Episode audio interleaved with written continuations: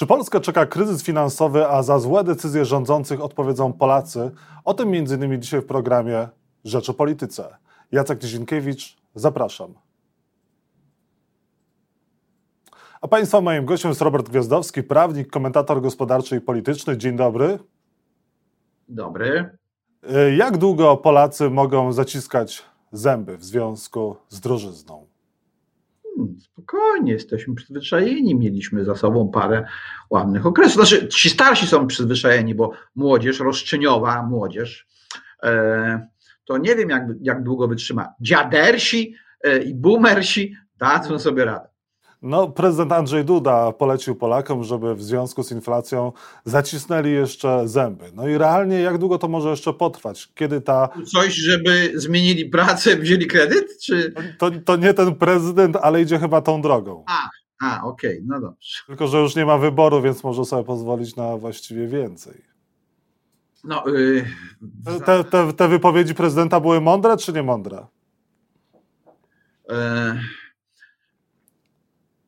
Zawsze jest tak, że pewne rzeczy dzieją się na skutek błędnych decyzji polityków. No i właśnie się dzieją. E, ja przeczytałem dziś, dziś, e, aż się przełączę na sekundkę, żeby panu redaktorowi powiedzieć, co ja przeczytałem, że większość ekonomistów zakłada, że wkrótce będziemy obserwowali w Polsce recesję. E, no to dobrze, że oni już zakładają, aczkolwiek źle, że dopiero teraz powinni wcześniej tak założyć, bo że będziemy mieli recesję, to w zasadzie e, można było przewidywać na początku roku. Ale co jest ciekawe w tych analizach ekonomicznych? Otóż to, że zbliżamy się do szczytu inflacji. No i tu trochę wariuje. No bo e, czyżby ci ekonomiści przewidywali, że się wojna skończy, że pandemia nie wróci, że łańcuchy dostaw zostaną przywrócone? Bo przecież to one e, odpowiadały ponoć za inflację, a nie błędna polityka pieniężna Narodowego Banku Polskiego. Więc jakim cudem nowa, zmieniona polityka pieniężna Narodowego Banku Polskiego miałaby wpłynąć na ceny energii e, wywołane wojną na Ukrainie? Do szczytu inflacji w Polsce jeszcze daleko? Nie daleko, bo jeżeli rzeczywiście przestaniemy tych pieniędzy dodawać do rynku, bo inflacja to jest zjawisko pieniężne, to będziemy mieli inflację hamującą.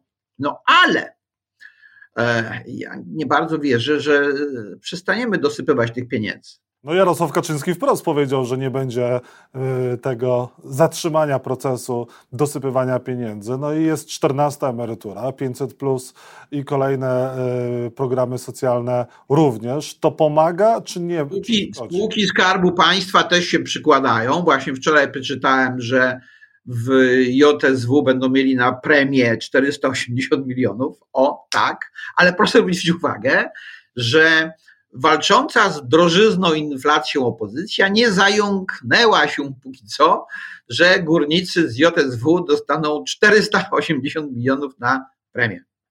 E, bo przecież wiadomo, to Putin powoduje inflację, a nie te pieniądze, co to je drukujemy i dosypujemy do rynku, bez względu na to, czy my je dosypujemy emerytom, czy my je dosypujemy górnikom. Drożyzna w Polsce jest winą Putina, jak chce Mateusz Morawiecki, czy błędną polityką rządu? No i też przed agresją Ukrainy już były problemy gospodarcze w Polsce. E, inflacja jest przede wszystkim zjawiskiem pieniężnym. E, jeżeli mamy w gospodarce ciągle tyle samo pieniędzy, to inflacji nie ma, bo inflacja to nie jest wzrost cen jakichś surowców. To jest stały wzrost cen wszystkiego, a nie wybranych towarów. Jeżeli nawet na skutek wojny podrożeje nam cena ropy naftowej i wskutek tego jeszcze parę innych cen, a my nie będziemy mieć więcej pieniędzy, bo Narodowy Bank Polski ich nie wydrukuje, to nie wzrosną wszystkie ceny, bo tych pieniędzy będziemy mieli tyle, ile mamy. E, więc będziemy musieli ograniczyć popyt albo na te towary, których ceny rosną, albo jeżeli nie możemy, to będziemy musieli ograniczyć popyt na inne towary, bo przecież e, no, nie dodrukujemy tych pieniędzy. No chyba, że dodrukujemy. Kryzys finansowy nas czeka jeszcze większy? Tak. Jakiego rzędu inflacja może być w Polsce? E, gdzie jest granica? Co, wie pan, nie ma granic. E, widać to na przykładzie obecnym Turcji, wcześniej widać było to w e, Wenezueli. My to mieliśmy w roku 90, kiedy inflacja szalała. 800% rocznie. Więc nie ma granic. Wszystko zależy od tego, jaka ta policy mix będzie prowadzona. Policy mix, czyli z jednej strony polityka monetarna, pieniężna, polegająca na drukowaniu tych pieniędzy, co się dzisiaj nazywa w różny bardziej elegancki sposób, a nie drukowanie, a z drugiej strony tak zwana polityka fiskalna. E, tylko na czym polega moim zdaniem problem e, analityków i ekonomistów? Na tym mianowicie, że oni uważają, iż polityka fiskalna to jest z jednej strony polityka podatkowa, i tu absolutnie mają rację, przez sama nazwa fiskus e, to taki koszt, do którego w starożytnym Rzymie zbierało się podatki.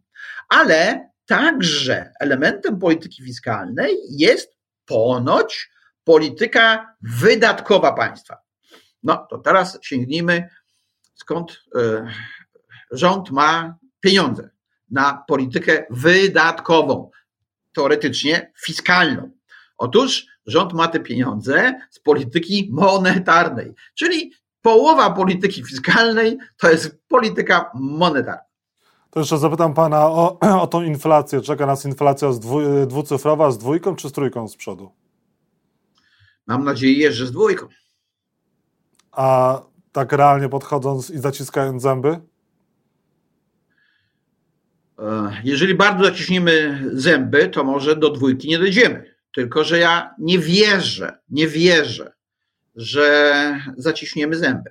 A co rząd musiałby zrobić? Na czym miały polegać to zaciśnięcie zębów? A trwa walka o władzę.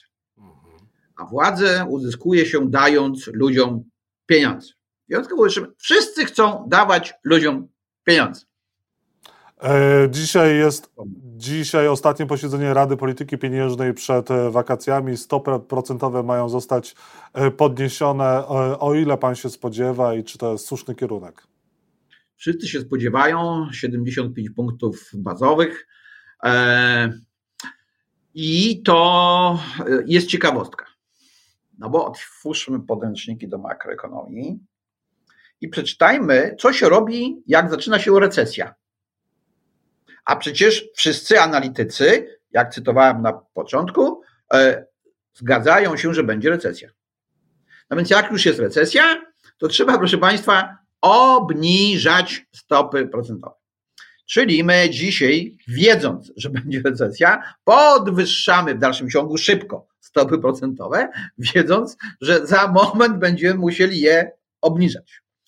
No to może nie trzeba tak szybko podwyższać inaczej, nie trzeba ich było kiedyś, nie tak dawno, trzymać tak długo, tak bardzo nisko. Mhm. Jak już je trzymano, to trzeba było powiedzieć rynkowi, e, że jak się ta pandemia zacznie kończyć, to my zaraz zaczniemy je z powrotem podwyższać. Tymczasem my obniżaliśmy stopy, trzymaliśmy je nisko i zapowiadaliśmy, że trzymać będziemy nisko w nieskończoność bez względu na to, co się wydarzy z pandemią, i innymi rzeczami w gospodarce. No to teraz pędzimy jak wariaci w drugą stronę. Dziesiąte będziemy mieli podwyżki stóp procentowych e, do no, dosyć wysokiego poziomu. E, jako, że w przyszłym miesiącu nie ma posiedzenia Rady Polityki Pieniężnej, to ja nie wiem, czy się skończy na tych 75 punktach, czy może jednak przywalą 100 i dojdziemy do 7%. No jak to się przełoży na raty kredytów Polaków i czy wakacje kredytowe to jest coś, co Polakom mającym kredyty coraz wyższe może ulżyć? Przecież to jest e, bzdura. Bo e, tak, podwyższamy stopy procentowe, żeby ściągnąć z rynku pieniądze. Bo stopy procentowe to jest głównie podatek nałożony na tych, co mają kredyty. Ale przy okazji wyższe stopy procentowe powodują, że przedsiębiorcy powstrzymują się z nowymi inwestycjami. E, powstrzymują się generalnie rzecz biorąc z rozwojem swojej własnej działalności, bo nie wiedzą, jak będzie wyglądała sytuacja w niedalekiej przyszłości, nie mówiąc o tej dłuższej przyszłości. Takie są decyzje przedsiębiorców. Decyzje przedsiębiorców są behawioralne. Większość przedsiębiorców nie patrzy w Excela, który patrzą ekonomiści, tylko tak się zastanawia, co się może wydarzyć na podstawie własnych obserwacji, własnego różnego rodzaju domniemań, doświadczeń i tak i tym podobne. Więc y, jeżeli rosną te stopy procentowe, no to więcej płacą posiadacze kredytów, natomiast przedsiębiorcy, którzy mogą nie zapłacić więcej, bo jeszcze nie mają kredytów, to nie biorą tych następnych, bo po co? A przecież większość różnego rodzaju inwestycji opiera się na jakimś tam zewnętrznym finansowaniu. Jeżeli to jest zewnętrzne finansowanie, no to niepewność do tego, jak będą wyglądały stopy procentowe w przyszłości, czyli jak będzie wyglądała sytuacja z tym finansowaniem, powoduje niechęć do e, dokonywania różnych e, inwestycji. Jak spojrzymy na ten współczynnik spadający po raz kolejny, współczynnik e, aktywności finansowej, no to widzimy, że my drugi miesiąc z rzędu jesteśmy poniżej tych magicznych 50 punktów. Mało tego, w ciągu miesiąca spadliśmy z 48 do 44, czyli dużo. E, więc e, kredytobiorcy, co prawda, to nie są wyborcy partii rządzącej, e, no ale partia rządząca, nie bacząc na to, że NBP zwiększa stopy procentowe, żeby nałożyć wyższy podatek na kredytobiorców, mówi kredytobiorców, to my, my wam obniżymy e, wasze wysokość waszych świadczeń i udzielimy wam wakacji kredytowych. No właśnie, e, musimy kończyć. Dwa pytania na koniec. Realnie czego Polacy mogą się spodziewać, jeżeli chodzi o podwyżki cen? Chleb będzie kosztował 10 zł, paliwo będzie kosztowało powyżej 10 zł wkrótce? Wracamy do początku. To wszystko zależy od polityki pieniężnej. Czy będziemy dosypywać, czy nie będziemy dosypywać. I jeszcze raz, moim zdaniem, polityka pieniężna to nie jest tylko wyłącznie to, co robi NBP, ale również to, co robi rząd, co się nazywa częścią polityki fiskalnej. E, a to jest właśnie ta część wydatkowa rządu. Jak rząd będzie się zadłużał coraz bardziej, żeby dać Polakom, co im się należy, bo przecież zasługujemy na to, E, no to możemy się spodziewać 10 zł na stacji paliw i możemy się spodziewać dychy za bochane chleba. A pan widzi coś, e, co robi rząd, e, żeby przeciwdziałać recesji, żeby zabezpieczyć Polaków przed recesją, żeby przygotować na coraz wyższą Nic. inflację? Nic. Rząd koncentruje się na walce z opozycją o głosy Polaków w nadchodzących wyborach. Robert Gwiazdowski, prawnik, komentator gospodarczy i ekonomiczny był Państwa i moim gościem. Bardzo dziękuję za rozmowę. Dziękuję bardzo.